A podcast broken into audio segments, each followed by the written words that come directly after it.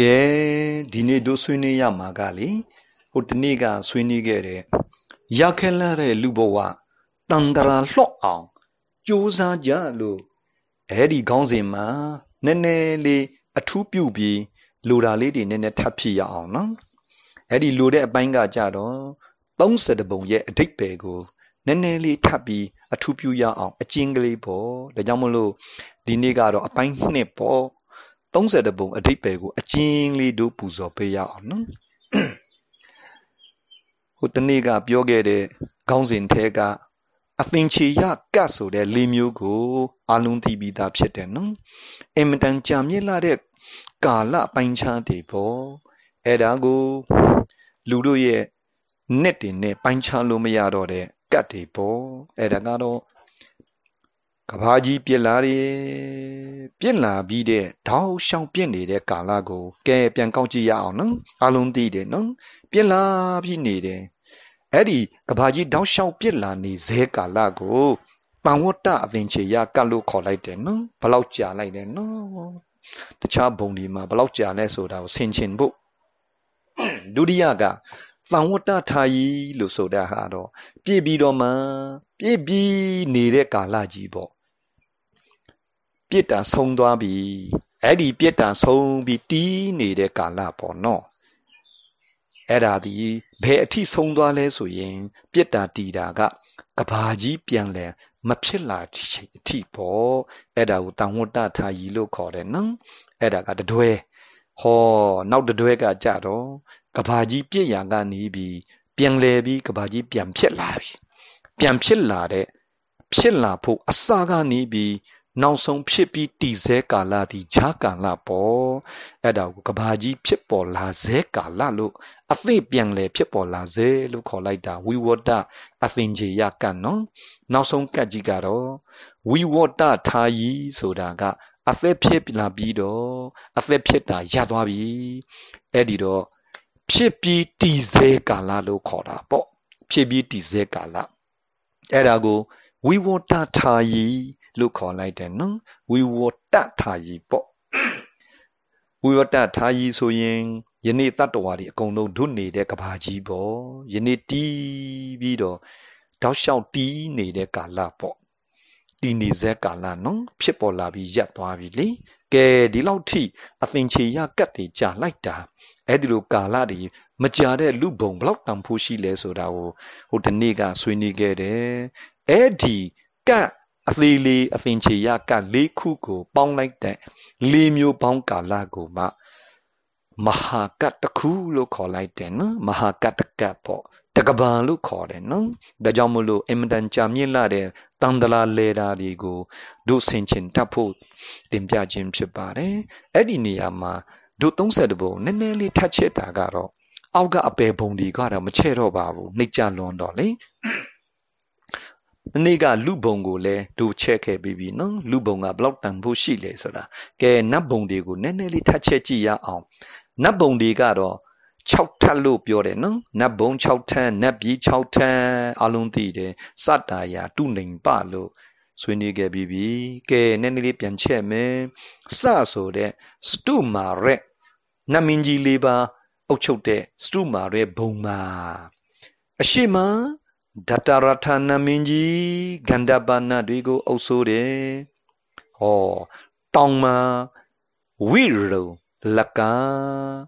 ဝီလိုရကနမင်းကြီးကဂုံပန်ကုံပန်နတ်တွေကိုအုပ်ဆိုးတယ်ပေါ့ကုံပန်နတ်တွေကလေ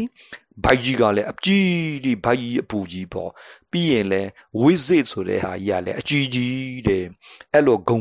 ကုံပန်ဆိုတဲ့နတ်တွေက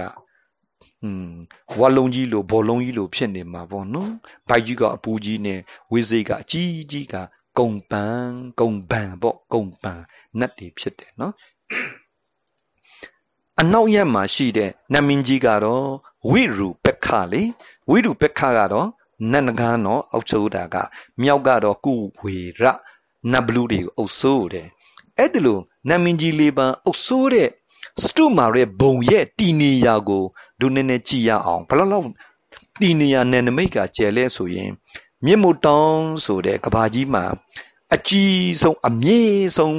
တောင်ကြီးကမြင့်မို့တောင်လို့ခေါ်တယ်နော်အဲ့ဒီမြင့်မို့တောင်ကတော့ဖျားလက်ရှစ်ထုံးကမြင့်မို့တောင်ယနေ့တော့မြင့်မို့တောင်ကဘာဖြစ်မလဲတော့မသိဘူးပေါ့လေအခုကတော့အေဝရဲတောင်မြင့်ဆုံးလို့ဘာလို့ခေါ်မှာပေါ့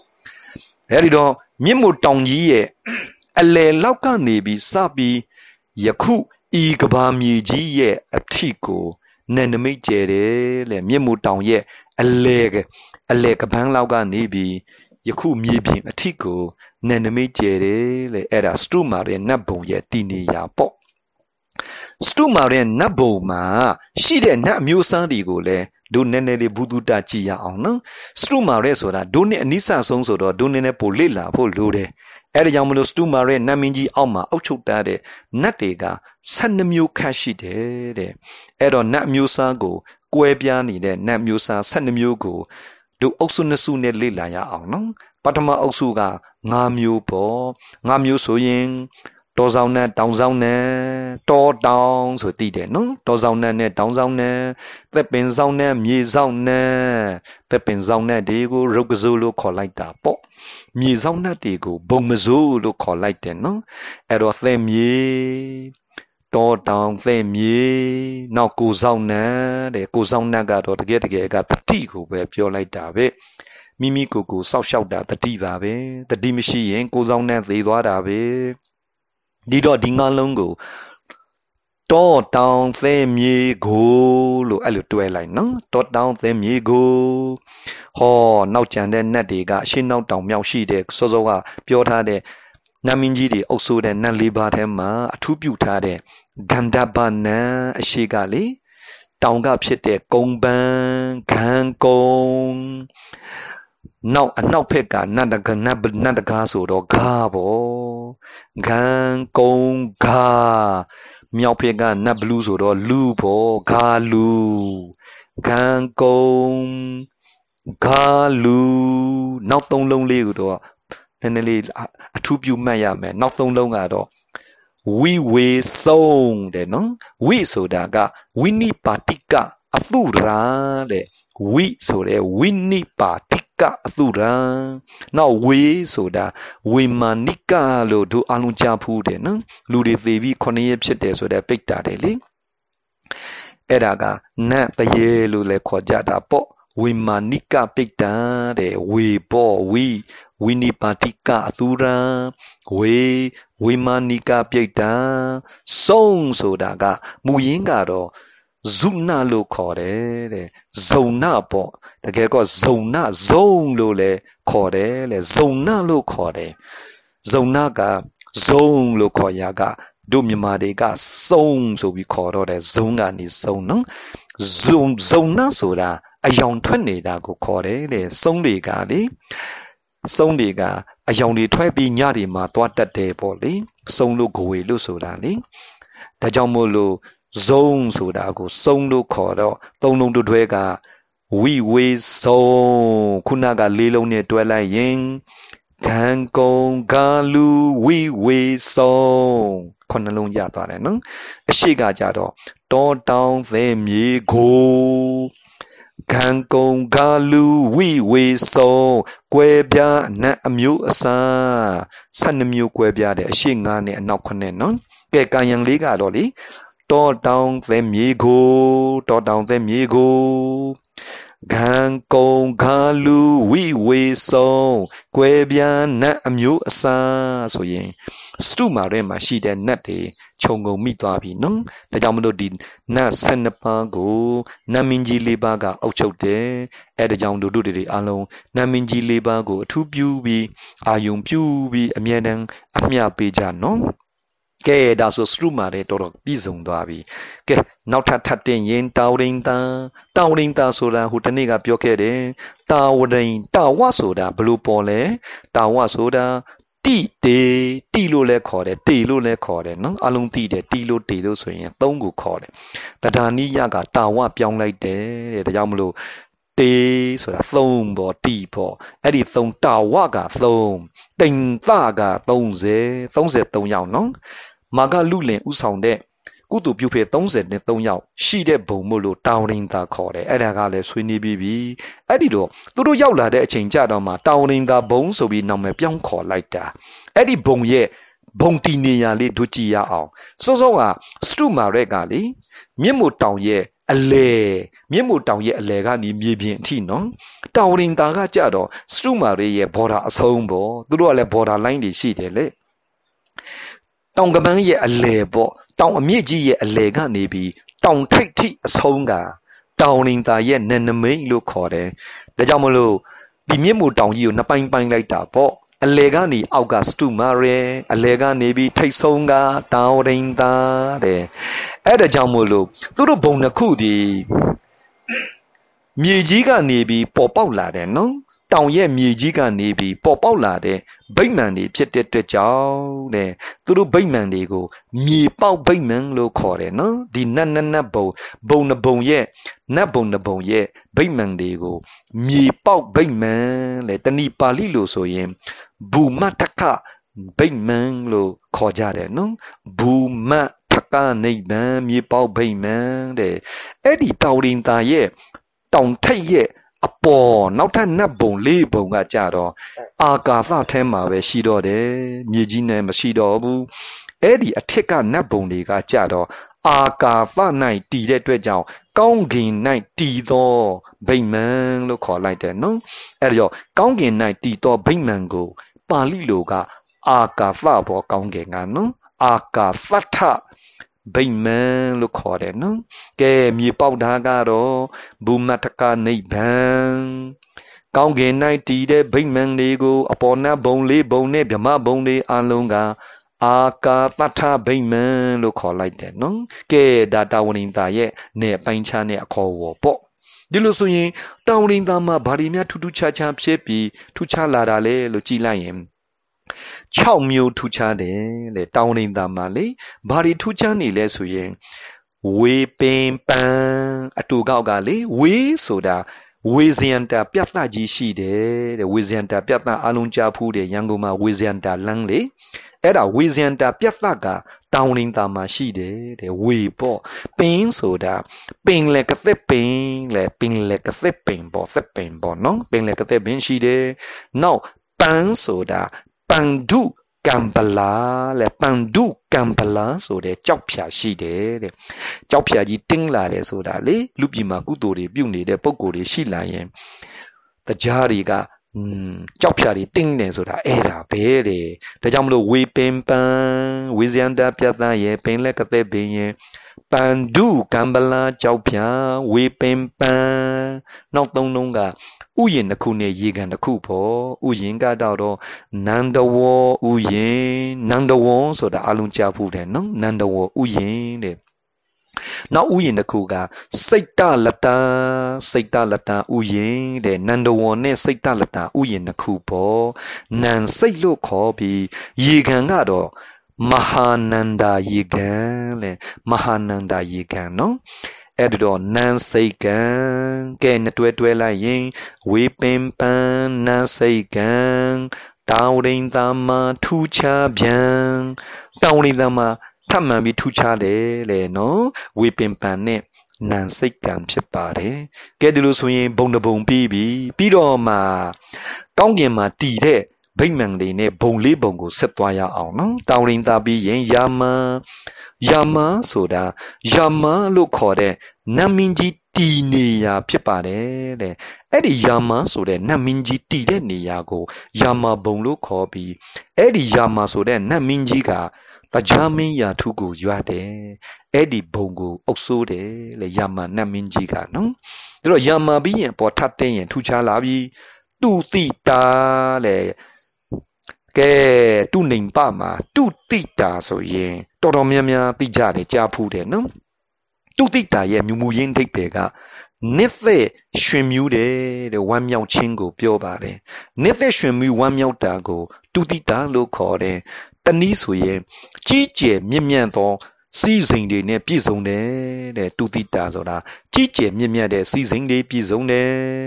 နှစ်သက်တယ်ရွှင်မြူးတယ်ဝမ်းမြောက်တယ်တူတိတာဒီနှစ်သက်ရွှင်မြူးဝမ်းမြောက်တယ်အဲ့ဒီတူတိတာဘုံဒီအဲ့ဒီအင်မတန်ထူးခြားတဲ့ဘုံထဲမှာနတ်ပြည်မှာအဲ့ဒီနတ်ပြည်မှာရှိတဲ့နတ်တွေကအမြဲ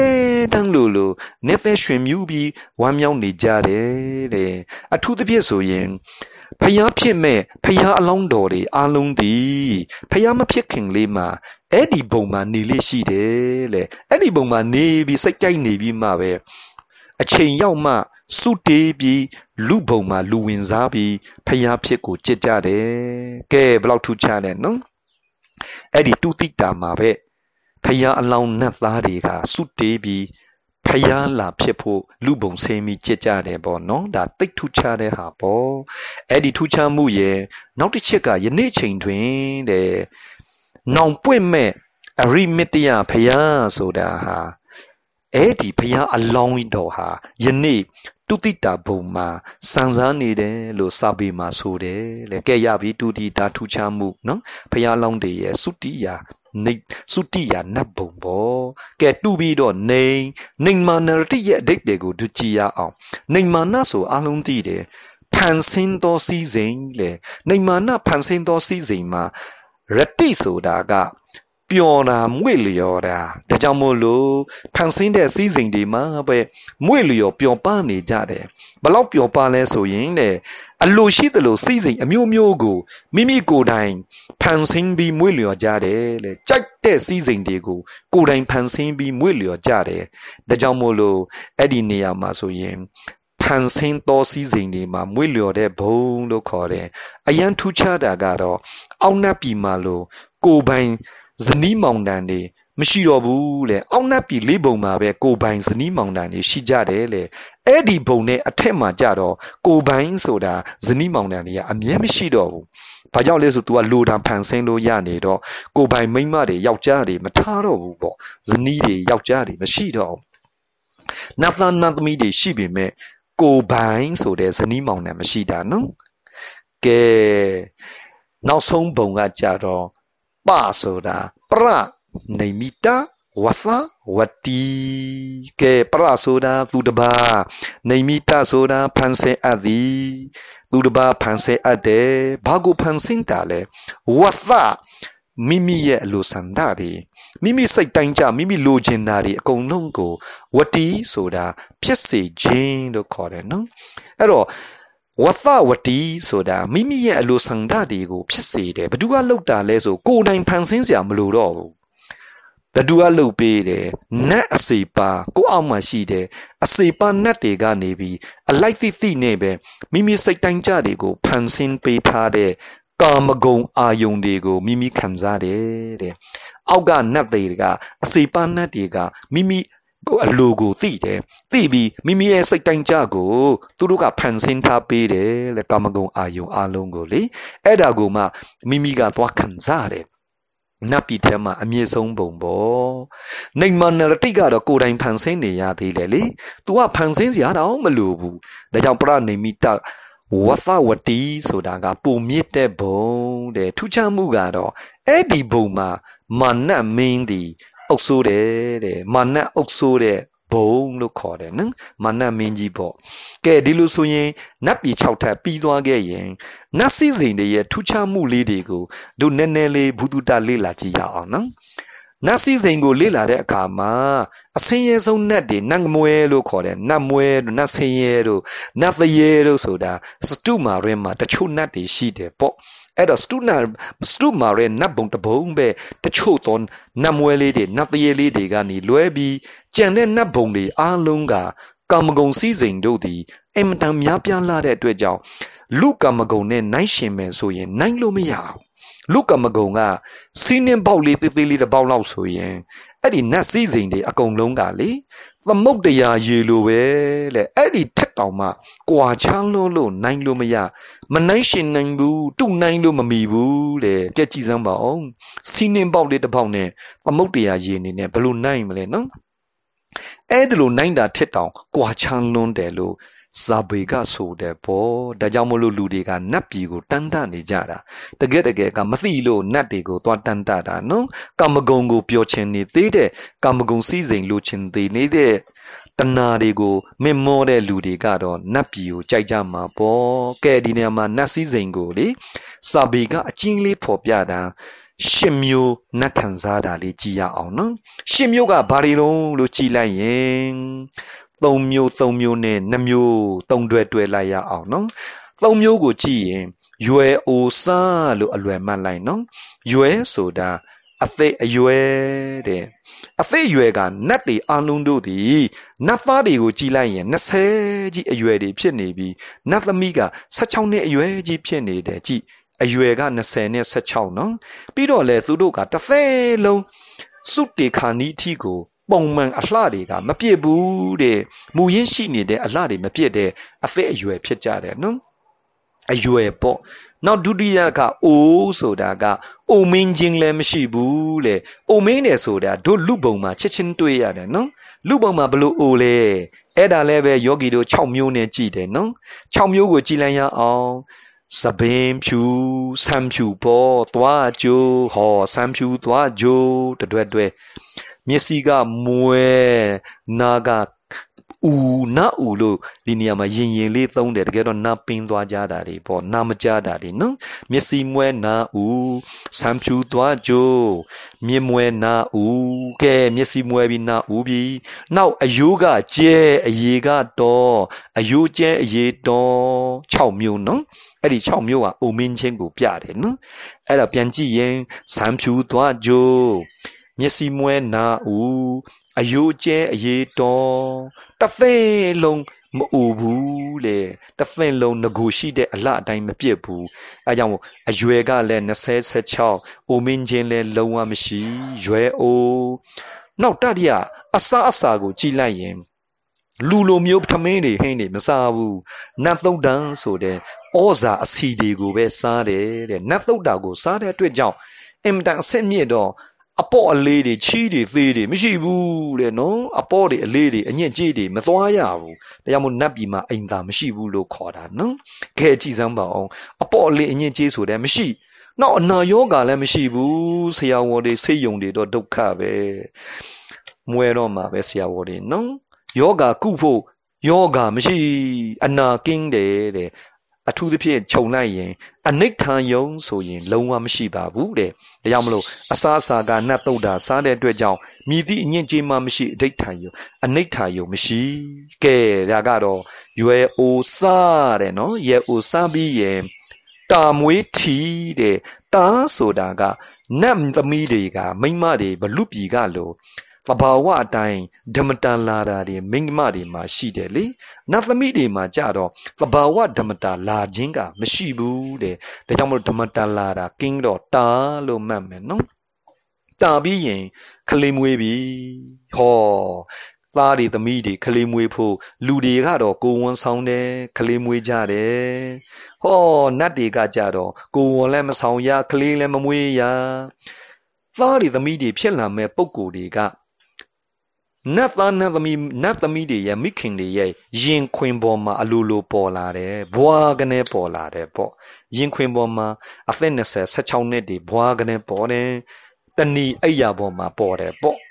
ဒါကြောင့်မို့လို့ခလေးမွေခြင်းကင်းတယ်ကိုယ်လည်းမလွယ်ခလေးလည်းမမွေဒါပေမဲ့နတ်သားနတ်သမီးကတော့ရင်ခွင်ပေါ်တွေအိယာပေါ်တွေမှာအလိုလိုဘွားကနေနဲ့လာပေါ်တယ်နော်ကဲကဒါတော့မွေပေါ်တာမွေ ဟောထိဆိုတာကသိစိတ်ဝင်စားဖို့ကောင်းတယ်ကမ္မဂုံကို तू ကထိယုံနဲ့ပြီးတယ်လေလူတွေကကြတော့တူးနဲ့တူးနဲ့ပေါင်းတဲ့ဆက်ဆံပြီးသုတ်အညစ်ကြေးတွေရှိပြီးဆက်ဆံနေကြရတဲ့တယောက်နဲ့တယောက်ချင်းနော်ဒါပေမဲ့နတ်တွေကတော့သွေးသားလှုပ်ရှားလာပြီးဆိုရင်တပားနဲ့တပားနဲ့နတ်သားနဲ့သားတဲ့ထိလိုက်ယုံနဲ့သွေးသားလှုပ်ရှားလာလို့ထိတွေ့ယုံနဲ့ကာမဂုံကိစ္စပြင်းမြောက်သွားတယ်လေ ထိလိုက်တာနဲ့ပြည်တယ်လေတဲ့ကြောင့်မလို့နတ်တွေရဲ့ကာမဂုဏ်ကအင်မတန်ဆန်းကျယ်တယ်နော်နတ်သားနတ်မီသူတို့ကာမဂုဏ်တော့ခံစားသေးတယ်နော်သွေးသားလှုပ်ရှားလာပြီဆိုသူတို့ဘာလှုပ်လိုက်တယ်တို့လိုက်ထိလိုက်တာနဲ့ကာမဂုဏ်ကိစ္စကပြီးမြောက်တယ်တဲ့ဒါကြောင့်မလို့သုံးလုံးတွဲရင်တာမွေထီတဲ့နောက်ဆုံးနှမျိုးကပျော်ပါတာတွေလေတေးပျော်တေးဆိုတာ တေဂီတတွေကိုခံစားတယ်တဲ့နတ်တွေကနော်ကဲကြည့်ပါဦးနတ်စည်းစိမ်မှာတေဂီတတွေပါတယ်တေဂီတဆိုကြတဲ့ကဘာတွေပါပြီလဲနတ်တွေရဲ့တူရိယာတွေပါလာပြီးဂီတာတွေဒရမ်တွေမင်ဒလင်တွေဟောအော်ဂင်တွေပေါ့နော်ယခုလူလာဆိုရင်နတ်တူရိယာတွေရှိတယ်လို့နတ်မှာအဆိုကြော်တွေလည်းရှိပြီးနတ်ကခြေသည်တွေလည်းရှိတယ်တဲ့ဒါကြောင့်မို့တူရိယာတွေနတ်အဆိုကြော်တွေနတ်ကခြေသည်တို့ကနေပြီးတီးဆိုကပြီး အဲ့ဒီလိုမျိုးဖြောဖြေရနတ်တွေကခံစားကြတယ်လေတေဂီတာနဲ့ခံစားဆိုတော့တီးဆိုကပေါ့ဟောနောက်ဆုံးဆိုကရေဒီတီလို့ခေါ်တယ်မဟုတ်လားတို့လူတွေကဆိုကရေတီဆိုတာလေနောက်ဆုံးမှကြတော့ပျော်ပန်းကစားကြတယ်အပျော်တိတ်နေတာတဲ့နတ်တွေကမေ့လျော့ပြီးကိုပြောနေကြတာဘယ်မှာပျော်တဲ့သေးသေးဆိုရင်အပြင်မှာဆိုရင်နန္ဒဝဥယင်လိုမျိုးဥယင်တွေမှာလည်းပျော်ပါကြတယ်နောက်ရေကန်တွေမှာ မဟာနန္ဒာဆိုတဲ့ရေကန်တွေမှာလည်းရေကစားပြီးပျော်ကြဒါကြောင့်မလို့တေးဆိုတဲ့တေးကိစားခံစားပြီးပျော်ပါကစားခြင်းနဲ့လည်းပျော်ပြီးစည်းစိမ်ခံကြတယ်ဒါကြောင့်မလို့ရှင်မျိုးနတ်ခံစားပါတယ်ကာယံလေးကဆိုလိုက်ရင်ရွယ်အိုစာတာမွေထီတေးပျော်ရှင်မျိုးနတ်ခံစားကဲကြည့်ကြမအောင်နတ်စည်းစိမ်ကရှင်မျိုးခံစားကြတယ်နော်ဒီလိုဆိုရင်နတ်ပြည်6ထပ်ကိုယနေ့ လူတွေကမျောလင့်နေကြတယ်နော်မေမေလျော့လော့နဲ့နတ်တွေသွားခံစားရင်လူဘုံရဲ့နစ်နစ်ရည်လိုက်ရင်ဖန်ပေါင်းများစွာခံစားရတော့မယ်အနိစ္စစတုမာရဲ့ရောက်ရင်ကိုသန်းအပေါ်ဆုံးရောက်ရင်ဖန်ပေါင်း9200ကျော်ခံစားမယ်နော်ဘလောက်ထိကြာမြင့်လာစွာတော့ခံစားပြီးမှသန္တရာလော့ဖို့ကိုမစင်စားနဲ့ယဟန္တာကတော့ အာကနိဋ္ဌဘုံကြမှာဖြစ်မှာဗြမဘုံကြီးတွေရောက်မှဖြစ်အောင်မှာကဲဒီလိုဆိုရင်တို့တွေအကုန်လုံးကာမသုကတိဘုံထဲမှာခုနှစ်ဘုံထဲမှာလူဘုံဘလောက်မြင့်မြတ်တယ်ဆိုတာကိုသိသွားရင် လူဖြစ်နေတုံးတို့ဆင်ခြင်ဖို့ကောင်းပြီနော်ကဲ နောက်ဒီတက်ထပ်တင်ရင်မြမဘုံ30ကိုတို့နည်းနည်းထပ်ချက်ကြည့်မယ်နော်မြမဘုံတွေကဘယ်နှမျိုးရှိတယ်20တောင်ရှိတယ်ဟာဒီ20ကိုအုပ်စုဖွဲ့လိုက်မယ်ကွယ်အုပ်စုဖွဲ့ရင်နောက်အုပ်စုဖွဲ့လို့ရတယ်ပေါ့အုပ်စုနှစ်စုကတော့ရုပ်တစ်မျိုးနာနှမျိုးပေါင်းပြီးရှိတဲ့ဘုံကိုရူပဗြဟ္မာဘုံလို့ခေါ်တာက16ဘုံရှိတယ်တဲ့ရူပဗြဟ္မုံ16ပါ16ဘုံနောက်ဒုတိယက အရူပဗြဟ္မဘုံရုပ်မရှိပဲနံတမျိုးတည်းရှိတဲ့ဗြဟ္မဘုံက၄ဘုံရှိတယ်ပေါင်းလိုက်တော့ဗြဟ္မဘုံက20ဘုံရတယ်တဲ့ဗြဟ္မဆိုတဲ့အဓိပ္ပာယ်ကလည်းကြီးပွားခြင်းဆိုတဲ့အဓိပ္ပာယ်သက်ရောက်တယ်နော်ဘလောက်ကြီးပွားလဲဆို तू ကအလွန်မြင့်မြတ်သောဇံစတဲ့ဂုံတို့ဖြင့်ကြီးပွားတာလေဇံနဲ့ကြီးပွားတာပေါ့ ဘလောက်ကြီးပွားလဲဆိုတာကိုဒုနည်းနဲ့ပြန်ပြီးချက်ကြည့်ကြအောင်နော်ကြီးပွားတာဗမာတွေကဘလောက်ကြီးပွားလဲကဲအပိုင်းတစ်ပိုင်းရှိတယ်နော်ခုနကပြောတယ်ရုပ်နံရှိတယ်ရူပဗြမဘုံ16ဘုံရုပ်ပါတဲ့ဘုံပေါ့ရုပ်မရှိပဲနံတစ်မျိုးတည်းရှိတဲ့ဘုံက လေးဘုံပေါင်းရင်ဗြမဘုံ20ကဲဗြမဘုံ20မှာပထမပိုင်းဖြစ်တဲ့ရူပဗြမဘုံကို16ဘုံကိုတို့လေ့လာရအောင်အဲ့ဒီ16ဘုံမှာဆိုရင် အောက်ကဘုံ10ဘုံကတော့ရိုးရိုးဗြမာတွေပေါ့ရိုးရိုးဗြမာဘုံက10ဘုံရှိတယ်ပေါ့ရိုးရိုးဗြမာဘုံပြီးရင်အပေါ်ထပ်တင်ရင်9ဘုံကကြတော့အပေါ်ထပ်တင်ရင်9ဘုံပေါ့ 9ဘုံကလေရုံနံစုံတဲ့ဘုံ9ဘုံသုဒ္ဓဝါဖ9ဘုံတဲ့အိမ်မတန်မြင့်တဲ့ဗြမဘုံက9ဘုံရှိတယ်ပေါင်းလိုက်တော့ရုံနံစုံတဲ့ဗြမဘုံ15ဘုံကဲပြန်ကောက်ရင်ရုံနံစုံတဲ့ဗြမဘုံ15ဘုံမှာအောက်ကဗြမ10ဘုံပေါ့ဒါရိုးရိုးဗြမဘုံ အစစ်သိမ့်မြင့်ပြီးစင်ကြယ်ဆုံးသောဘုံတွေကိုကသုဒ္ဓဝါဖ5ဘုံအနာဂံတွေရှိတဲ့ဘုံ5ဘုံပေါ့ပေါင်းရင်15ဘုံရတယ်ရုံနံစုံတဲ့ဘုံက15ဘုံကြံတဲ့16ဘုံထက်ကတဘုံကတော့အပညာသတ်ဆိုတဲ့ရုပ်တစ်မျိုးပဲရှိပြီးနာမရှိတဲ့ဘုံအဲ့ဒီဘုံကအဲ့ဒီရူပဗြမဘုံ16ဘုံထဲမှာထည့်ထားလိုက်တာဒါကြောင့်မလို့ရူပဗြမဘုံက16ဘုံဖြစ်သွားတယ်နော် ကဲရူပဗြမဘုံ16ဘုံမှာအောက်ဆုံးကနေဒုလေ့လာရအောင်အောက်ဆုံးဗြမဘုံ3ဘုံဒီပထမဇံဘုံလို့ခေါ်တဲ့3ဘုံပေါ့အောက်ဆုံး3ဘုံကပထမဇံဘုံသူတို့ဒီတပြင်းတည်းဖြစ်တယ်သူတို့ကတပြင်းတည်းမှာရှိတယ်နော်အထက်အောင်မဟုတ်ဘူးပေါ့ဒါပေမဲ့အဆင့်မြင့်တာကတော့တဖြည်းဖြည်းအပေါ်ကိုမြင့်လာတယ်ပေါ့ကဲဒီမှာကြည့်ရအောင်ဘလို့မြင့်လာလဲဆိုရင်ပထမဇံဘုံသုံးဘုံမှာ ဗြဟ္မပါရိသက်ဇာဗြဟ္မပါရိသက်ဇာဘုံဆိုတဲ့အဓိပ္ပာယ်ကဗြဟ္မဆိုတာမဟာဗြဟ္မဒုဤပါရိသက်ဇာဆိုတာအလုတ်ကျွေးပြူတာအစေပါတွေပေါ့တဏိပရိသတ်ကိုလည်းခေါ်တယ်နော်ပါရိသက်ဇာဆိုတာအဲ့ဒီလိုမျိုးမဟာဗြဟ္မာကြီးတွေကိုအလုတ်ကျွေးပြုမဲ့အောက်ကအလုတ်သမားတွေပေါ့အလုတ်သမားတွေကဗမ ပါရိသက်ဇာလို့ခေါ်လိုက်တဲ့ဘုံမှာရှိကြတယ်။သူတို့ဒီဘာဖြစ်လို့အဲ့ဒီလိုမျိုးအောက်ဆုံးဘုံမှာရှိရတယ်လဲဆိုရင်ပထမဇန်ကိုလူပြည်မှာအထုံးစဉ်တုန်းကအဓိပတိ၄ပါးဖြစ်တယ် စန္ဒဝရိယစိတ်တာဝိမန္တာအလုံးသိတဲ့အဓိပတိ၄ပါးလေအဲ့ဒီအဓိပတိ၄ပါးကိုသူတို့ကပထမဇန်ကိုအဓိပတိတွေတင်တဲ့နေရာမှာအာနဲလို့တဲ့ဒါကြောင့်မို့လို့အဲ့ဒီပထမဇန်မှာပထမဇန်ပုံထဲမှာတော့အောက်ဆုံးမှာဖြစ်တဲ့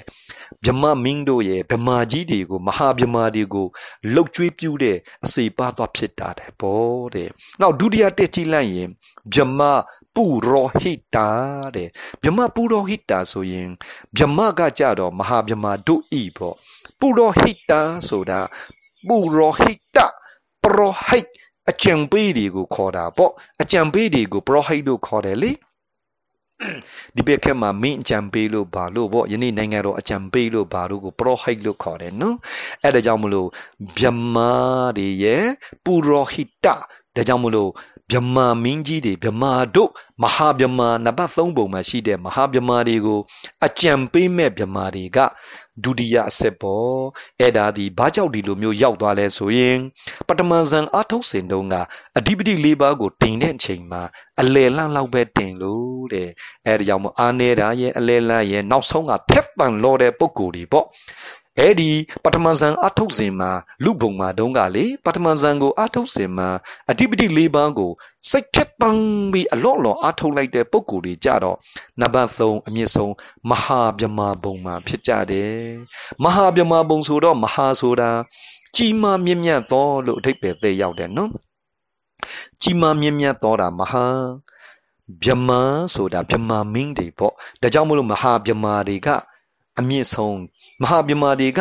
တန်ဖို့တအားကြီးတယ်တဲ့သူတို့ပထမဇန်ပုံမှာဒါကြောင့်မဟာဗြဟ္မာတွေကိုအထူးသဖြင့်ဖျားလို့လောက်လဲသူတို့ကထင်မှတ်မှားကြတယ်နော်ဖျားလို့တောင်သူတို့ကကိုးခွေကြတယ်လေမဟာဗြဟ္မာကြီးတွေဒါဆိုရင်ဒီသုံးပုံဒီပထမဇန်ပုံရတယ်နော်ဗြဟ္မပါရိသေဇာဗြဟ္မပူရောဟိတာမဟာဗြဟ္မဒီသုံးပုံဒီပထမဇန်ဗြဟ္မဘုံသုံးပုံဖြစ်ပါတယ် ကဲအပေါ်ဆက်တေးရအောင်ဒုတိယဇန်မြမဘုံသုံးဘုံအဲ့ဒီမှာလဲအောက်ဆုံးဆက်မှာသူတို့ကလည်းတပြင်းတင်းနော်ဒါဒုတိယဇန်ဘုံမှာရှိတဲ့တပြင်းတင်းကအောက်ဆုံးကရှိတဲ့အစစ်တန်းကကြတော့ပရိတ်တာဘာဘုံပရိတ်တာဘာလေပရိတ်တာဘာဆိုတာဟာပရိတ်တာဆိုတာကသေးငယ်သောလို့အဓိပ္ပာယ်သိရောက်ပြီးအာဘာဆိုတာကအယောင်ပေါ့ သေးငယ်တဲ့အယောင်ပဲထွက်တာအဲ့ဒီမြမာတွေကအယောင်ကနည်းနည်းလေးပဲထွက်တယ်ဘာကြောင့်မလို့ဒီလိုအယောင်နည်းနည်းပဲထွက်တဲ့ပြိတ္တာဘာဘုံကိုယောက်ျားလဲဆိုရင်တဲ့ဒုတိယဇန်နဲ့တတိယဇန်ကိုအထုတ်စဉ်တုန်းကအဓိပတိ၄ပါးတင်တာအာနေလို့တဲ့ကဲအာနေတဲ့လူအောက်ဆုံးသွားပြီနော်သေးငယ်တဲ့အယောင်တွေထွက်တော့သူ့ကိုပြိတ္တာဘာလို့ခေါ်ပြီး သူ့ထက်အထမြင့်လာတာကအပမာနာဘာအပမာနာဘာလေအပမာနာအလုံးသိတယ်အပမာဏဆိုတာပမာဏမရှိတာနော်အပမာဏလို့လည်းခေါ်တာပေါ့ပမာဏမရှိတာအပမာဏအပမာဏပေါ့အဘာကအယောင်အယောင်ပမာဏအတိုင်းတာမရှိတဲ့ထွက်နေတဲ့ဗမာတွေကကြတော့အလယ်မှာရောက်တဲ့ အပမာဏဘုံဘုံဘောဒုတိယဇန်နဲ့တတိယဇန်အာထုတ်စဉ်လုံးကအဓိပတိ၄ပါးကိုအလယ်လန့်အားထုတ်တဲ့ပုံကိုယ်တွေပေါ့တဲ့နောက်ဆုံးအမြင့်ဆုံးဒုတိယဇံပုံကတော့အာဘသရာအဘသရာဆိုတာအာဘာနဲ့သရနဲ့ပေါင်းတယ်အာဘာဆိုတာကအယောင်သရဆိုတာကတလက်လက်ကိုထွက်နေတာကိုသရလို့ခေါ်တယ် ဘာကြောင့်မို့လို့ဒီလိုမျိုးအယောင်တလဲလဲထွက်လဲသူတို့ဒီအဓိပတိ၄ပါးကိုထက်ထက်တန်တန်နဲ့အထုတ်တယ်နော်ဒုတိယဇန်တတိယဇန်အထုတ်စဉ်တုန်းကလေအဲ့ဒါဆိုရင်ဒုတိယဇန်ပုံ၃ပုံကဗြမာ၃ပုံကိုရပြီနော်ပပရိတာဘာအပမနာဘာအာဘသရာဒီနေရာမှာအဘသရာဘုံကနည်းနည်းထူးခြားတာကသူက အလင်းရောင်တွေကဒုတိယဘုံထက်ကိုဘလောက်ကြီးလဲဆိုရင်သူကတိမ်တိုက်တွေကြားမှာလျှက်စီးတွေလက်နေသလိုပဲလေသူတို့ရဲ့ခန္ဓာကိုယ်ကနေပြီးဒလဇက်ကိုအယောင်တွေထွဲပြီးအဲ့ဒီလိုမျိုးဒုတိယဇန်တဲ့အယောင်တွေထွက်တာဘသူကပုံမြင့်တယ်ပေါ့အယောင်တွေတလက်လက်ထွက်တယ်ပေါ့ထူးထူးခြားခြားကမိကဖြစ်လိုက်တဲ့ကဘာကြီးကိုဖြစ်စီတဲ့အချိန်မှာအဲ့ဒီဘုံနဲ့အထက်ကဘုံတွေကြံခဲ့တယ် အဲ့ဒီဘုံရဲ့အောက်ကဗြဟ္မဘုံနတ်ဘုံလူဘုံအကုန်လုံးကသေလွန်ကြတယ်ပစ္စည်းကြတယ်လေကဘာဖြစ်တာမိဖြစ်လိုက်တဲ့အချိန်မှာလေအာလုံတော်သတ္တဝါတွေအောက်ဘုံတွေအကုန်လုံးကပျောက်ကုန်နိုင်တယ်ပေါ့သူတို့ကမပြောက်ဘူးဒါကြောင့်မလို့အဘတရာဘုံကမိဖြစ်ကဘာမှာကြံခဲ့တယ်ပေါ့ကဲထပ်တဲ့ရင်တာရိယဇံဘုံ၃ဘုံတာရိယဇံဘုံ၃ဘုံကကြတော့ခုနက ဒုတိယဇံဘုံ၃ဘုံမှာသုသုလေးထည့်လိုက်တာပေါ့ပရိတ္တာဘာမှာသုထည့်လိုက်တော့ပရိတ္တသုဘာပရိတ္တသုဘာကဲအဓိပ္ပာယ်ကလည်းသုလေးတစ်လုံးပို့သွားတာ သူ့လေးတစ်လုံးပို့တော့တက်တယ်တယ်လို့အထိပ္ပယ်သေးရောက်တယ်နော်သူကလေဒီနေရာမှာသိငယ်တဲ့အယောင်ကတက်တက်တယ်တယ်ကိုသိသိငယ်ငယ်နဲ့ထွက်နေတာအဲ့ဒါကြောင့်မလို့သူ့ကိုပရိတ္တသုဘာဘုံလို့ခေါ်တယ်သူ့တစ်လုံးပို့တယ်နော်ထူးထူးခြားခြားဘာကြောင့်မလို့ဒီပုံရောက်လာလဲဆိုရင်တော့သူကတော့စဒုဋ္ဌဇံကိုအာထုံးစဉ်တုန်းကအပတိတိလေးပါးတင်တာအာနဲလို့လေအာနဲလို့သူကအောက်ဆုံးမှာရောက်သူထင်မြင့်တယ်ဟာ မူလကအပမနာဘုံဘုံမှာသူ့လေးတစ်လုံးထည့်လိုက်တော့အပမနာသူဘာအပမနာသူဘာပေါ့အပမနာသူဘာမှာသူ့လေးတစ်လုံးထည့်တယ်သူကအလယ်လတ်နော်အမြင့်ဆုံးကကြတော့သူဘကိန်းနာသူဘကိန်းနာဘုံသူဘကိန်းနာဆိုတဲ့နေရာမှာအဓိပ္ပာယ်ကသူဘဆိုတာတက်တယ်တာတက်တယ်သော ကိန်နှဆိုတာယုံပြုံးသောအယောင်တဲ့အယောင်ထဲမှာပြုတ်ပြုတ်ပြစ်ပြစ်နဲ့ကိုတအားယုံပြုံးနေတော့တာအဲ့ဒီလိုမျိုးယုံပြုံးနေတာတက်တယ်လာတဲ့အယောင်မျိုးစုံပြိုးပြက်ပြီးတော့ကိုယုံပြုံးနေတဲ့အယောင်ထွက်နေတာကိုအဲ့ဒါကိုသူဘကိန်းနာတဲ့သူကကြတော့စဒုထဇံအာထုတ်စဉ်တော့ကအဓိပတိလေးပါးကို အထူးကိုစိတ်ထက်သန်းပြီးအာထုတ်တဲ့ပုဂ္ဂိုလ်အမြင့်ဆုံးရောက်တယ်နော်ထူးခြားပြန်ပြီလေအဲ့ဒီမှာလည်းပဲ အဲ့ဒီလိုသုဘကိန်းနာဆိုတဲ့ဗြမဘုံတွေဒီရေဖြစ်တဲ့ကဘာမှာကြံခဲ့တယ်အောက်ကဘုံတဘုံပါပါပါလေရောရေဖြစ်လိုက်ရင်အကုန်ကုန်ပြန်ရောအောက်ကဘုံနေနော်ရေဖြစ်သောကဘာမှာကြံတာဟာသုဘကိန်းနာကနေပြီးအထက်ဘုံတွေပဲကြံခဲ့တယ်ဟောရိုးရိုးမြမှာကိုယ်ဘုံပြီးသွားပြီနော်ပထမဇံဘုံဒုတိယဇံဘုံတတိယဇံဘုံသုံးဘုံသုံးဘုံသုံးဘုံစီနော် သူတို့သုံးပုံစီကတပြင်းတပြင်းတပြင်းစီရှိတယ်နော်ဟောနောက်ဆုံးကြံတဲ့နံပါတ်30ဘုံကတော့ဝေဟဖိုဘုံဝေဟဖိုရဲ့အဓိပ္ပာယ်ကဝေဟဆိုတာဝိပုံလဝေပုံလဆိုရင်အလုံးကြဖူးတယ်နော်ဝေပုံလဆိုတာမြားပြားတယ်ပြပြောတယ်ကြီးကျယ်တယ်ဟောအစွမ်းတတိရှိတယ်ဘယ်လိုအစွမ်းတတိလဲနော်မြတ်သောအစွမ်းတတိရှိတယ်အဲ့ဒါက ဝေပုံလှပေါ့ဝေဟဆိုတာပြတ်ပြုံးတာကိုခေါ်တယ်နော်ဟိုးအတိုင်းမရှိကိုပြတ်ပြုံးနေတာဖလဆိုတာကအကျိုးပေါ့ဝေဟနဲ့ဖလနဲ့ပေါင်းတော့ဝေဟဖို့လို့ရတယ်နော်ပြတ်ပြောတဲ့အကျိုးတွေကိုရသူ့ဘုံကတော့ရိုးရိုးဘုံထက်မှာသူကအမြင့်ဆုံးထူးထူးချမ်းချမ်းကတော့ကဘာကိုဖြစ်တဲ့အထက်မှာမီးဖြစ်တာလဲမပန်းရေဖြစ်တာလဲမပါတာက သူဘကိန်းနာဟောလေကဖြစ်ပြီဆိုရင် အောက်ကသူဘကိန်းနာကစပြီးအကုန်ပြည့်လေရောသို့တော့ဝေဟပ်ဖို့တခုပဲအပေါ်တွေကြံခဲ့တယ်လူဝေဟပ်ဖို့အထီကိုလေဖြစ်တဲ့ကဘာမှာကြံတယ်တဲ့ဒီလိုဆိုရင်ဝေဟပ်ဖို့နံပါတ်10ပြီးရင်သူနဲ့ကပ်ပြီးတပြင်းထဲမှာရှိတဲ့ဘုံကတော့အသညာသဘုံအဲ့ဒါကတော့ရပ်ပြစ်ရှစ်ပါးထဲကပါဝင်တဲ့ဘုံတဘုံကသူနဲ့တပြင်းထဲမှာရှိတယ်သက်တမ်းကလည်း 900သက်တမ်းတူတယ်နော်ကဘာငါကဘာ900ကဘာပေါ့မဟာက900သက်တမ်းတူကြတယ်တပြင်းတဲ့ဘုံပေါ့အဲ့ဒါအပညာသဘုံတဲ့အပညာသရဲ့အဓိပ္ပာယ်ကအဆိုတာမရှိတာပညာဆိုတာသိမှတ်မှုလို့ခေါ်တယ်နော်သဆိုတာသတ္တကတော့သတ္တဝါတဲ့မရှိသိမှတ်မှုတတ္တဝါအာပညာသတ္တကဲတော့ခြချုပ်လိုက်လို့ရှိရင်တတ္တဝါလို့အသိ မရှိတာသိမှတ်မှုတွေမရှိတော့မရှိတော့တာအသိမှတ်မှုသင်ညာမရှိတာသတ္တဝါเนี่ยသင်ညာမရှိတော့တာဆိုတာအဓိပ္ပာယ်ကတော့ तू ကစဒုဋ္ဌဇံကိုပင်သင်ညာစတဲ့စေတသိက်တွေအလုံးကိုကင်းအောင် तू ကအာထုတ်ခဲ့တယ်လူပုံမှာအာထုတ်စဉ်တုန်းကစဒုဋ္ဌဇံကိုပဲ သင်ညာစတဲ့စေတသိက်တွေအလုံးသိတယ်နော်စေတသိက်တွေအကုန်လုံးစေတသိက်တွေအကုန်လုံးကိုကင်းအောင်ဆိုပြီးအားထုတ်လိုက်တော့နံကိုအပြစ်မြင်တာလေနံကိုအပြစ်မြင်ပြီးနံကိုယုံမုန်းနေတဲ့အတွက်ကြောင့်ရုပ်ကိုပဲနှစ်သက်တယ်ဒါကြောင့်မလို့သူကရုပ်တစ်ခုပဲရှိတဲ့ဘုံသူတို့စိတ်တိုင်းကြအတိုင်းရုပ်တစ်မျိုးပဲရှိတဲ့ဘုံဖြစ်သွားတယ်အဲ့ဒီရုပ်တစ်မျိုးပဲရှိတယ်ဆိုတော့ဘာနဲ့တူတယ် ဘာမှအသိဉာဏ်ခံစားမှုမရှိဘဲနဲ့ရွှေတုံးကြီးတတုံးနဲ့ထိုင်နေတဲ့ပုံကြီးပုံလို့ဗောကြောက်ရွံ့ကြီးလိုမျိုးဖြစ်နေမှာဗောနော်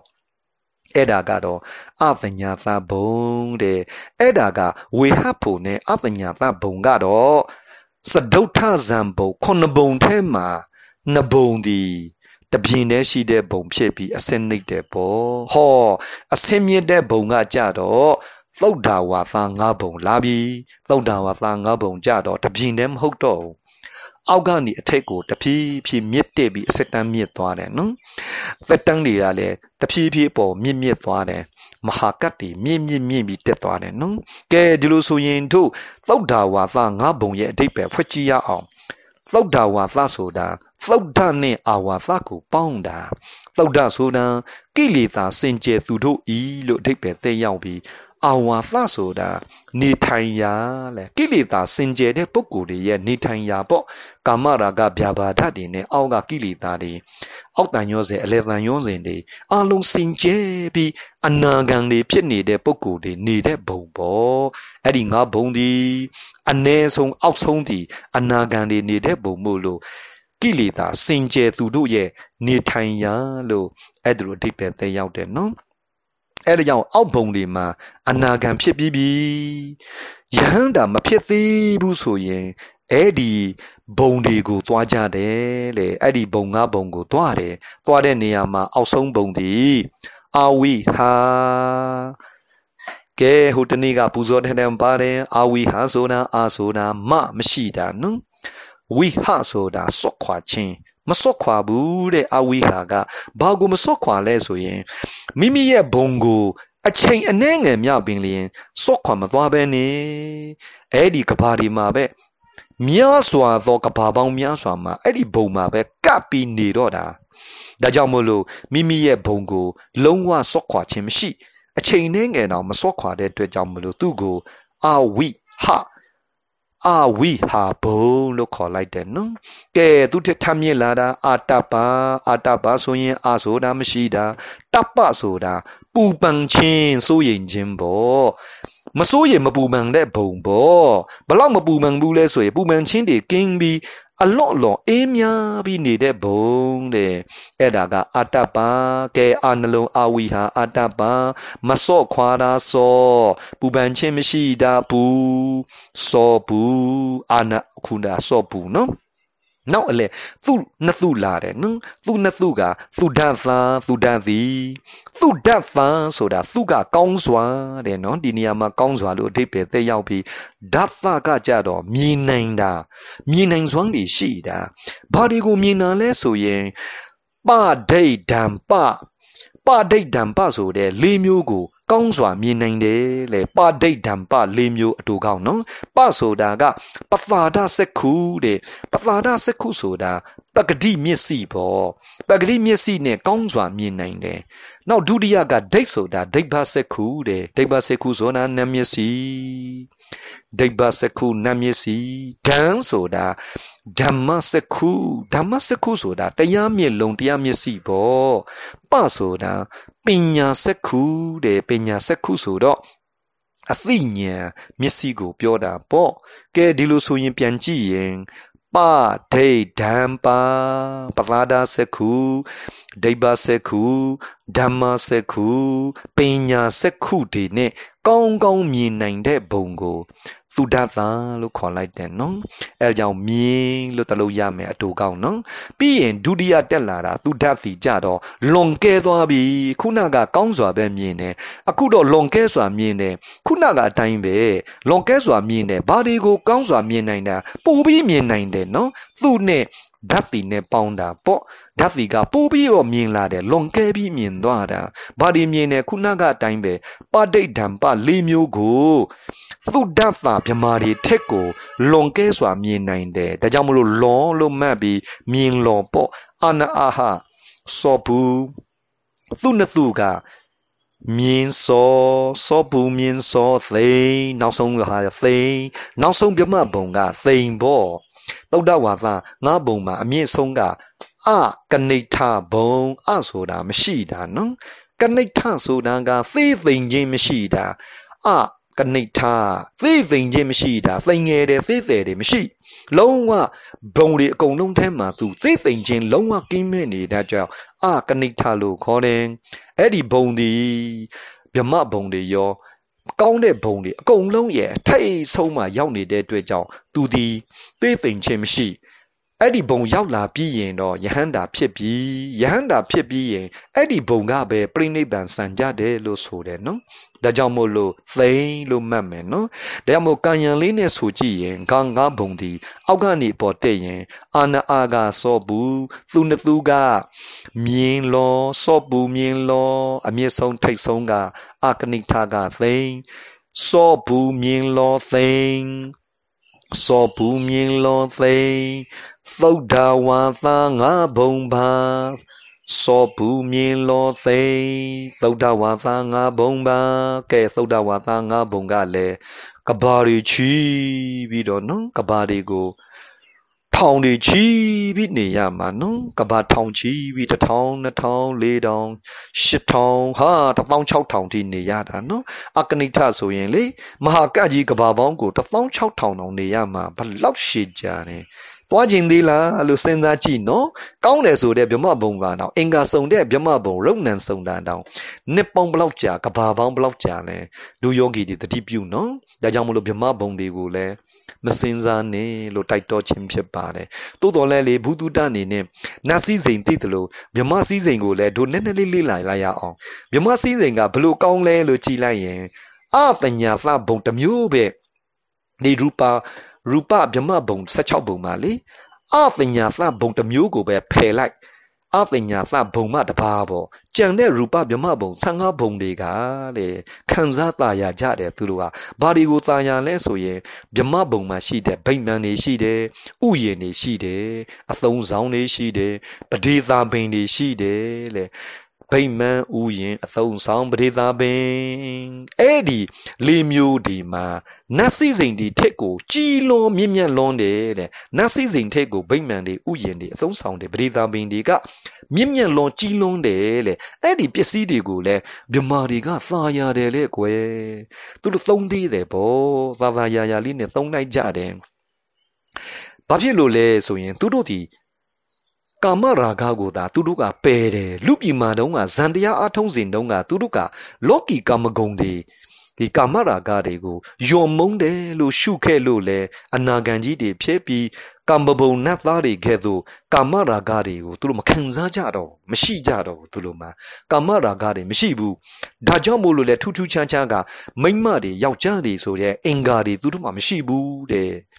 အဲ့ဒီမှာမိမ့်မယောက်ျားလို့ကွဲပြားမှုမရှိဘူးမြမာတွေအကုန်လုံးကထူးထူးခြားခြားပုံသဏ္ဍာန်က ယောက်ျားပုံသဏ္ဍာန်အားလုံးဖြစ်နေတယ်ကဲမြမပုံမှာကြည့်အားလုံးကဘာပုံလဲဘယ်လိုပုံလဲဆိုရင်ယောက်ျားလိုပဲပုံဖြစ်နေဘာကြောင့်လဲဆိုရင်သူတို့ကကာမရာဂလုံးဝကင်းသွားလို့အနာဂံတွေအ ਨੇ ဆုံးရှိပြီးယဟန္တာနောက်ဆုံးဖြစ်ကြတယ်လေဒါကြောင့်မလို့ကာမရာဂတွေလုံးဝကင်းလောကီကာမဂုဏ်တွေကင်းနေတဲ့အတွက်ကြောင့်သူတို့ဒီယောက်ျားပုံသဏ္ဍာန်ရှိတာအထူးခြားဆုံးဖြစ်တယ်နော် နောက်တစ်ခါပြန်ကြည့်သေးရင်မြမာတွေကလေမြမစိုးတရားဆိုရင်အလုံးသိတယ်မေတ္တာဂရုဏာမုဒိတာဥပေက္ခအဲ့ဒါမြမစိုးတရားတွေကိုသူတို့ကအမြဲတမ်းပွားများနေကြပြီးသူတို့စားတာကဇံပီတိကိုသာစားတယ်လေဇံပီတိစားတယ်နတ်တွေကတော့နတ်သုဒ္ဓစားတယ်ဗြဟ္မာကြီးတွေကတော့ဇံပီတိကိုစားတယ်နော်နေတာကတော့ဗြဟ္မစုတရား၄ပါးနဲ့နေပြီးဇံပီတိကိုစားပြီးအထုတ်ကြတယ်နော်အဲ့ဒီနေရာမှာ ဒုဒုတွေအကုန်လုံးဘုဒ္ဓတအနေနဲ့ကြည်သက်တာကတချို့ပုထုဇဉ်ဗြဟ္မာတွေရှိတယ်တဲ့သုတ်တဝါသာငါးဘုံကလွယ်ပြီးကြံတဲ့အောက်ကဗြဟ္မာဘုံတွေမှာလေအဲ့ဒီဟာပုထုဇဉ်ဗြဟ္မာတွေကတော့ဘာတွေကိုသူတို့ဝင်စားလဲဆိုရင် လောကီတမာဘတ်လောကီမှာရှိတဲ့ဇန်တမာဘတ်ပေါ့သူတို့မှာကအရိယာမဖြစ်သေးတဲ့အတွက်ကြောင့်ပုထုဇဉ်ကိုသူတို့ကတချို့ပေါ့အချို့ပုထုဇဉ်မြမာတွေကလောကီဇန်တမာဘတ်ကိုဝင်စားကြတယ် ဒါပေမဲ့အရိယာဖြစ်နေတဲ့မြမာတွေကြတော့အချို့အရိယာမြမာတွေကြတော့ဖလားသမဘန်ကိုဝင်စားတယ်နော်ကဲပုထုဇဉ်တွေကတော့သူတို့သူတို့မှာရှိတာလေးပဲသူတို့ဝင်စားတာပေါ့လောကီဇန်သမဘတ်လေးနဲ့ကျဉ်နှပ်ပြီးဝင်စားနေကြတဲ့အချိန်မှာအရိယာမြမာတွေကကြတော့ဖလားသမဘတ်မေ့ကြပြီးတဲ့ပုံကိုယ်တွေဖြစ်တဲ့အတွက်ဖလားသမဘန်းတို့ဝင်စားကြတယ်လေ အဲ့ဒီမှာစီစဉ်ထဲကတော့အဗညာသဗြမဘုံတမျိုးပဲနာမရှိလို့ရုပ်သာရှိတဲ့အတွက်ကြောင့်ခံစားမှုမရှိဘူးဘာကြီးနဲ့တူတယ် ရွှေချထားတဲ့သက်တုံးကြီးတတုံးလိုပဲရွှေတုံးကြီးတတုံးလိုပဲလေသူကရပ်ပစ်ရှစ်ပါးထဲမှာပါတယ်နော်သူတခုပဲစီးစိမ်ခံစားရတာမရှိတာနော်ကြံတဲ့15ဘုံရဲ့နတ်ဗြဗြမစီးစိမ်ခံစားခြင်းပေါ့နော်စောစောကနတ်စီးစိမ်ခံစားခြင်းနဲ့ဗြမစီးစိမ်ကလွန်မြတ်တယ်ဆိုတာကိုကြည့်ပြီးကွဲပြားမှုကတော့နတ်ကနတ်တုတ်တာ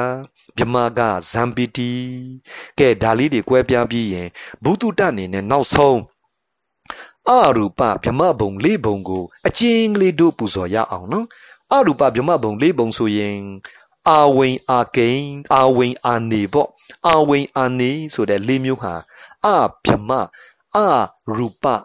အရူပဗြမဘုံဖြစ်သွားတယ်နော်အာဝိန်အာနေလေးမျိုးဟာအရူပဗြမဘုံပါကဲဒီနေရာမှာအကျဉ်းလေးအတိတ်ပဲကိုကြည့်ရင်အာကာသနိစာယတနာဆိုတာအောက်ဆုံးဘုံပေါ့အဲ့ဒီအာကာသနိစာယတနာရဲ့အဓိပ္ပာယ်ကအာကာသအာကာသမှာအာနိစဆိုတာကအပိုင်ချမရှိ အာကာသဆိုတဲ့ကောင်းကင်ဒီအာနိစဆိုတဲ့အပိုင်ချမရှိတဲ့အဆုံးမရှိပေါ့အာယတနာကတီယာတဲ့ကဲဒီတော့ခြုံပြီးတော့ပြန်လိုက်လို့ရှိရင် ကောင်းကင်ဒီအဲ့ဒီကောင်းကင်ပညာကြီးကိုနှလုံးသွင်းပြီးတော့အနန္တောအာကာသောအနန္တောအာကာသောဆိုပြီးကောင်းကင်သည်သာအပိုင်ချမရှိဆိုပြီးအာထုတ်ကြတယ်နော်ကောင်းကင်သည်သာအပိုင်ချမရှိလို့အာထုတ်တဲ့အတွက်ကြောင့်အဲ့ဒါကြောင့်အာကာသနိစာယတနာအရူပဗြဟ္မဘုံကိုရောက်တယ်တဲ့ကဲကောင်းကင်သည် ကောင်းကင်ပညာကိုနှလုံးသွင်းတယ်ကောင်းကင်သည်သာအပိုင်းခြားမရှိအထုတ်တာကောင်းကင်သည်သာအပိုင်းခြားမရှိဟောဓာတ်ဒုတိယထပ်တဲ့ရင်ဝိညာဉ်နင်္စာယတနာဘုံကြကြတော့ဝိညာဏဆိုတာပထမရုပ်ပဝိညာဏလို့ခေါ်တယ်ပထမရုပ်ပဝိညာဏဆိုတာပထမဆိုတာရှေးဥစွာတဲ့အာရုပဆိုတာအရူပဇံတဲ့အဲ့တော့ ပထမရုပ်ပဝိညာဏဆိုတာရှေးဥစွာအရူပဇံဝိညာဉ်ဝိညာဏဆိုတာဝိညာဉ်ကိုခေါ်တယ်နော်သူကကြတော့အနအနန္တံဝိညာဏအနန္တံဝိညာဏအနန္တံဝိညာဏအမန္တံဝိညာဏဆိုပြီးဝိညာသည်အပိုင်းခြားမရှိဆိုပြီးအာထုတ်တာနော်ခုနကအာကာသတိတာ ကောင်းကင်သည်သာအပိုင်းခြားမရှိခုတော့ဝိညာဉ်သည်အပိုင်းခြားမရှိလို့အာထုတ်တဲ့ပုံကိုယ်တွေကြတော့ဝိညာဉ်နင်စာယတနာဘုံကိုရောက်တယ်လေကဲဘုံတဘုံပြီးသွားပြီးနောက်ဘုံထပ်တဲ့ရင်တာတိယဘုံအာကိဉ္စင်ညာယတနာအာကိဉ္စင်ညာယတနာကကြတော့အာကိဉ္စင်ညဆိုတာ ပြီးတော့မှအာယတနာနဲ့ပေါင်းတယ်နော်အာကိဉ္စင်ညအာကိဉ္စင်ညသည်နတ္ထိဘောပညာလေအာကိဉ္စင်ညဆိုတာနတ္ထိဘောပညာနတ္ထိဘောပညာဆိုတဲ့အဓိပ္ပာယ်ဟာအနှဲငယ်လောက်တောင်စိုးစင်းမြတောင်ဘာမှမရှိဘူးတဲ့ဘာမှမရှိဘူးဆိုတဲ့သဘောအနှဲငယ်စိုးစင်းမြတောင်မရှိဘူးတဲ့နတ္ထိဘောပညာဆိုတာနော် အဲ့အနဲ့ငယ်ဆိုးစင်းများတော့ဘာမှမရှိဆိုတာကိုအာထုတ်တယ်နော်အာထုတ်တဲ့အတွက်ကြောင့်နတ္တိဘောပညာဆိုတာကိုထပ်ချက်ကြည့်ရင်နတ္တိဘောဆိုတာနတ္တိဘာဝနတ္တိဘောကနတ္တိဘာဝမရှိသည်ဤအဖြစ်ပညာဆိုတာကပညာတိကအလုံးသိတယ်အပြန်အဖြစ်သိစေသောသဘော အပြားအဖြစ်အများကြီးသိစေတဲ့သဘောကပညာတိပညာအဲ့တော့မရှိမရှိမရှိဘာမှမရှိဆိုတာကိုပဲအာထုတ်တယ်အနှဲငယ်ဆိုးစင်းများတောင်မရှိတာအာထုတ်တယ်အာကိန်စင်ညာယတနာကိုရောက်သွားတယ်လေအာကိန်စင်ညာယတနာဟောနောက်ဆုံးဘိတ်မှာကြတော့အမြင့်ဆုံးဘုံကနေဝသင်ညာနာသင်ညာယတနာနေဝသင်ညာနာသင်ညာယတနာဆိုတာနေဝရဲ့သင်ညာရဲ့ နာရဲ့အာရဲ့သင်ညာရဲ့အာယတနာရဲ့ပေါင်းတယ်ကဲတလုံးစီပြန်ရင်နေဝဆိုတာမဟုတ်သင်ညာဆိုတာသိမှတ်မှုသိမှတ်မှုမဟုတ်နာဆိုတာမဟုတ်မဆိုအဆိုတာကမပေါ့အဆိုတာမနာအ သင်ညာစီမံမှုပြန်လာတယ်ပြီးရင်အာယတနာအာယတနာဆိုတာတရားကဲဒီလောကရှုပ်ထွေးသွားမယ်နော်အလွယ်လေးပဲမှတ်ကြည့်ကြည့်နော်နေဝကမဟုတ်ဘူးတဲ့တလုံးစီပြန်ကြည့်နေဝကမဟုတ်သင်ညာစီမံမှုနာနာဆိုတာမဟုတ်အဆိုတာမာနာနဲ့အာနဲ့ပေါင်းတော့နာဖြစ်သွားတာနော်ပြီးတော့မှသင်ညာသင်ညာဆိုတာသိမှတ်မှုယတနာကတော့ အာယတနာကအာယတနာတီယာပေါ့အဲ့ဒီနေရာမှာနတ္ထိဘောပညာကိုလည်းအာယုမပြုတော့ဘူးကြည်စံနတ္ထိဘောပညာကိုအာယုမပြုပြီးတော့တတိယာရုပ်ပဇံဒီမော်မြတ်လေးစွာဆိုပြီးအာယုံပြုတ်ပြီးတော့ချီမောမချင်းအာထုတ်နေတယ်လေကြည်စံကြည်စံနှစ်ခုနှစ်မျိုးအာထုတ်နေတယ်နော်နတ္တိဘောပညာကိုလည်းအာယုံမပြုတ်ဘူးတဲ့နတ္တိဘောပညာကိုအာယုံဖဲဖဲဖဲလောက်ပြီးတတိယာ ရုပ်ပဇံဒီမော်မြတ်လေစွာဆိုပြီးအာယုံပြုတ်ပြီးချီးမွမ်းပြီးအားထုတ်နေပြန်ရောတဲ့ဒါကြောင့်မို့လို့ချုပ်ပြောရရင်နေဝသင်ညာဆိုတာကအဲ့ဒါလောက်ချုပ်ကြည့်ရင်တော့အလွယ်သိချင်ရင်နေဝသင်ညာဆိုတာသင်ညာရှိသည်လည်းမဟုတ်နေဝသင်ညာသင်ညာရှိသည်မဟုတ်ဟောနာအာသင်ညာနာအာသင်ညာသင်ညာမရှိသည်လည်းမဟုတ်ကြက်ကြည့်ပြောင်းပြန်ကြည့်နော်ဘလောင်ပလဲဖြစ်နေတယ်သင်ညာရှိသည်မဟုတ် သင်ညာမရှိသည်လည်းမဟုတ်ပြန်ကြည့်နော်နေဝသင်ညာသင်ညာရှိသည်လည်းမဟုတ်နာအာသင်ညာနာအာသင်ညာသင်ညာမရှိသည်လည်းမဟုတ်သင်ညာရှိတယ်လည်းမဟုတ်မရှိတယ်လည်းမဟုတ်တဲ့ဒါကြောင့်မို့လို့သူဒီအထေဆိုဘဝဲဆိုတဲ့အထော့ထိတ်ဆိုရောက်ပြီးကဘာပေါင်း8400ထိသွားပြီးနေရတော့တာနော်အထက်ဆုံးဘဝဲလို့ခေါ်လိုက်တယ်သူကိုနော် 30ပုံမှာအထက်ဆုံးမို့လို့ဘဝဲအောက်ဆုံးကတော့အဝေစီပေါ့အောက်ဆုံးအဝေစီအထက်ဆုံးဘဝဲဟောကြည့်ပါဦးဘာဖြစ်လို့ဘဝဲလို့ခေါ်တယ်ဘဝတွေဟာဖြစ်စဉ်တွေဟာလေဖြစ်ပြမှုတွေကဘဝဲဆိုတော့အက်ကအက်ကပေါ့ဘဝနဲ့အက်ကကိုပေါင်းထားတာနော်ဘဝနဲ့အက်ကကဘဝဲပေါ့အထက်ဆုံးပေါ့ဒါကြောင့်မို့လို့နေဝတင်ညာနာတင်ညာကို ရောက်တဲ့ပုံကိုယ်တွေက ပြန်လဲပြီးအောက်ကိုဆင်းလာဖို့မလွယ်တော့ဘူးကဘာပေါင်း8400ထိနေကြရမှာဒါကြောင့်မလို့နေဝသင်ညာနာသင်ညာသည်နေဝသင်ညာအလွယ်မဲ့မနော်နေဝသင်ညာသည်သင်ညာရှိသည်လည်းမဟုတ်နာအသင်ညာသင်ညာမရှိသည်လည်းမဟုတ်သင်ညာရှိတယ်လည်းမဟုတ်မရှိတာလည်းမဟုတ်တဲ့ အဲ့ဒီလိုဘုံကိုအဲ့လိုအာထုတ်တဲ့ပုဂ္ဂိုလ်ရောက်တယ်လေအထက်ဆုံးဘဝဒါဆိုရင်အရူပဇံလေးဘုံကတော့အရူပဗြဟ္မဘုံလေးဘုံကတော့မစင်စားနဲ့တော့နော်ဘလောက်ကြောက်เสียကောင်းတယ်နော်ဘာမှစီစဉ်လည်းမရှိဘာမှလည်းမရှိပဲနဲ့အဲ့ဒီဘုံကြီးမှာလေကြောင်တောင်တောင်ကြီးနဲ့နေရမယ်ဘုံလေးဘုံဖြစ်နေမှာပေါ့နော်အဲ့ဒီဘုံတွေဟာ ကဘာပေါင်းမြောင်များစွာဖောင်းတွေချီပြီးနေရမှာဒါကြောင့်မလို့ယနေ့ဒုဆွေမျိုးတွေအကုန်လုံးဤ30ဘုံကိုအကျဉ်းပါဖြစ်လို့လစ်လာတာလေပြန်ကောက်ကြည့်ရအောင်နော်ပြန်ကောက်ကြည့်လို့ရှိရင်30ဘုံမှာအောက်ဆုံးကိုကြည့်ပြန်တော့လေကာမဒုက္ခတိဘုံလေးဘုံအပယ်လေးပါဆိုးလိုက်တဲ့ဆင်းရဲဒုက္ခတွေဘလို့မှစဉ်းစားလို့မရတဲ့ဘုံလေးဘုံနော် ပြီးတော့လဲကြာလိုက်တဲ့နှစ်တွေကလည်းဖန်ပေါင်းများစွာနဲ့နော်နောက်ဆုံးပိတ်အဝေစီဆိုရင်3သိန်း4000ကျော်အောင်နော်ကဲကြည်စံနှစ်ဖန်ပေါင်းကိုကဲပြန်တက်ကြည့်အောင်လူဘုံရဲ့အပေါ်ကိုတက်လိုက်တော့နတ်ပြည်6ထပ်ကြည့်ပြန်တော့လေအသိချေရတွေနဲ့သုံးဘုံတစ်ဘုံတစ်ပုံတစ်ပုံနဲ့တက်တက်သက်သွားတာကြောက်เสียကောင်းလိုက်တဲ့ နတ်ပြည်တွေနော်အော် sorry မှားသွားတော့ကဲကြည်စံနတ်ပြည်ကတော့ဘယ်နဲ့စအသင်ချီရနဲ့မဟုတ်ဘူးနော်သူကဖန်းနေနဲ့တက်သွားတာခုနကလိုပဲဗမာနဲ့ယွန်းသွားမယ်ဗမာကအသင်ချီရနဲ့ရေတွက်တာနတ်ပြည်ကကြတော့နှစ်သန်းပေါင်းများစွာနဲ့ရည်တွက်တာလေနှစ်သန်းပေါင်းဆိုရင်အနည်းဆုံးစတုမာတဲ့ဆိုရင်လူပြည်ရဲ့ကိုသန်းတော်သွားနေရမယ်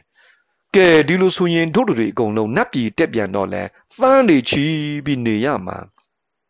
ဘယ်နတ်ပြည်မှလည်းမချမ်းသာဘူးဆင်းရဲဒုက္ခပဲဆိုတာသိရမယ်နော်ဟောထပ်တဲ့ဗြဟ္မဘုံ20အောက်ရူပအောက်ကရူပဗြဟ္မဘုံ16ဘုံကလည်းအပညာသံကစင်ကိုမစင်စားနဲ့ရပ်ပြစ်၈ပါးထဲမှာပါတာကြံတဲ့15ဘုံထဲမှာလည်းပဲကြံတဲ့အောက်ဗြဟ္မ10ဘုံကလည်းကြော်လိုက်တဲ့နှစ်တွေကဘာတွေချီပြီးတော့နေရတော့မှာမလွယ်ဘူးတန်တရာလော့ဖို့နော်ကဲ အထက်ဆုံးမှာဖြစ်တဲ့ငါဘုံကြည်ဖောက်တာဝါသဆိုတဲ့အမနန်စင်ကြဲတဲ့အနာငံတွေပဲနေတဲ့ဘုံငါဘုံကြည်ပြန်တော့လဲနှစ်တွေကိုနဲ့တော့မဟုတ်ဘူးထောင်ပေါင်းများစွာနေရာကနောက်ဆုံး16000ထိတောင်အာကနိထဆိုတဲ့အကောင်းဆုံးဆိုတဲ့ယဟန္တာဖြစ်တဲ့ဘုံကနေပြိဋိဘံဆန်တဲ့ဘုံကလည်းကဘာပေါင်း16000 ကပ်ပေါင်း16000ကောင်နေရမယ်ဘလို့ရှိကြလဲဒုဒရီအကုန်လုံးရပ်ပြစ်၈ပါးဖြစ်တဲ့အရူပဗြဟ္မဘုံလေးဘုံကစင်းကိုမစင်စားနဲ့ဒါကြောင့်မို့လို့ရပ်ပြစ်၈ပါးမှာရုပ်ဆုံးရုပ်ရှိနာမရှိနာရှိရုပ်မရှိဟာဒီငေါဘုံကလုံးဝပယ်ထားလိုက်တယ်ဆိုရင်ဒုများအလုံးအကောင်းဆုံးအမြင့်မြတ်ဆုံးလူပုံဖြစ်နေကြတဲ့ဒုဆွေမျိုးယောဂီတွေလူပုံရဲ့အကျိုးတွေကိုအလုံးသိတယ်နော် အမြင့်မြတ်ဆုံးပုံလေဒုံလဘလို့ဟောတာလူပုံတပုံကိုပဲဒုံလဘလို့ခေါ်တာမနုဿတဘာဝဒုံလဘောမနုဿတဘာဝဒုံလဘောကလူပုံတစ်ခုပဲဟောတာနတ်ပြောမှာကိုမဟုတ်ဘူးပြီးတော့လဲကြည်ဘလောက်ကောင်းလိုက်လဲဆိုရင်ရှစ်မျိုးတောင်မှတို့လူတွေကသာတယ်နော်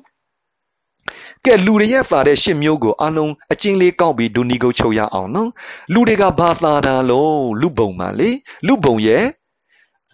အကျိုးကျေးဇူးတွေအရင်အဆင့်မြင့်တဲ့အမြင့်မြတ်ဆုံးလူပုံဖြစ်နေတာဘာကြောင့်ဖြစ်လဲဆိုပြန်ကောက်ပြီးတော့ညီကုတ်ချုပ်ရအောင်နော်ကဲလူပုံကဘာတွေသားလဲဘာတွေမြတ်လဲ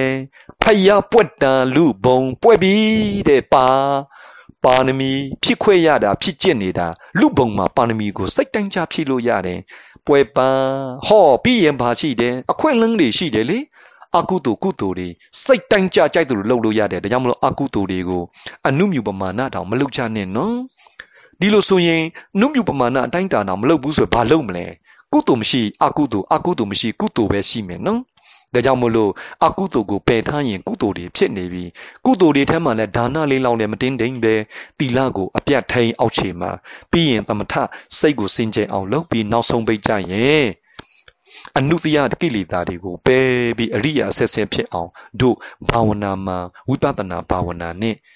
ယဟန္တာမြတ်ကြီးဖြစ်အောင်တို့ကြိုးစားရမှာမဟုတ်လားကုသိုလ်ထမ်းမှာအမြင့်ဆုံးနော်ကဲဒီနေရာမှာကုသိုလ်ကလည်းဝိဝတ္တနေတိတကုသိုလ်ထမ်းမှာအမြင့်ဆုံးနော်ဝတ်စင်းရဲ့ပေါင်းကလော့တဲ့ကုသိုလ်နော်အဲ့ဒီကုသိုလ်ထဲမှာဒါတောင်မှလေသောတာပန်တနာကအနာဂံဆိုရင်မလော့သေးဘူးနော်ယဟန္တာမြတ်ကြီးဖြစ်မှ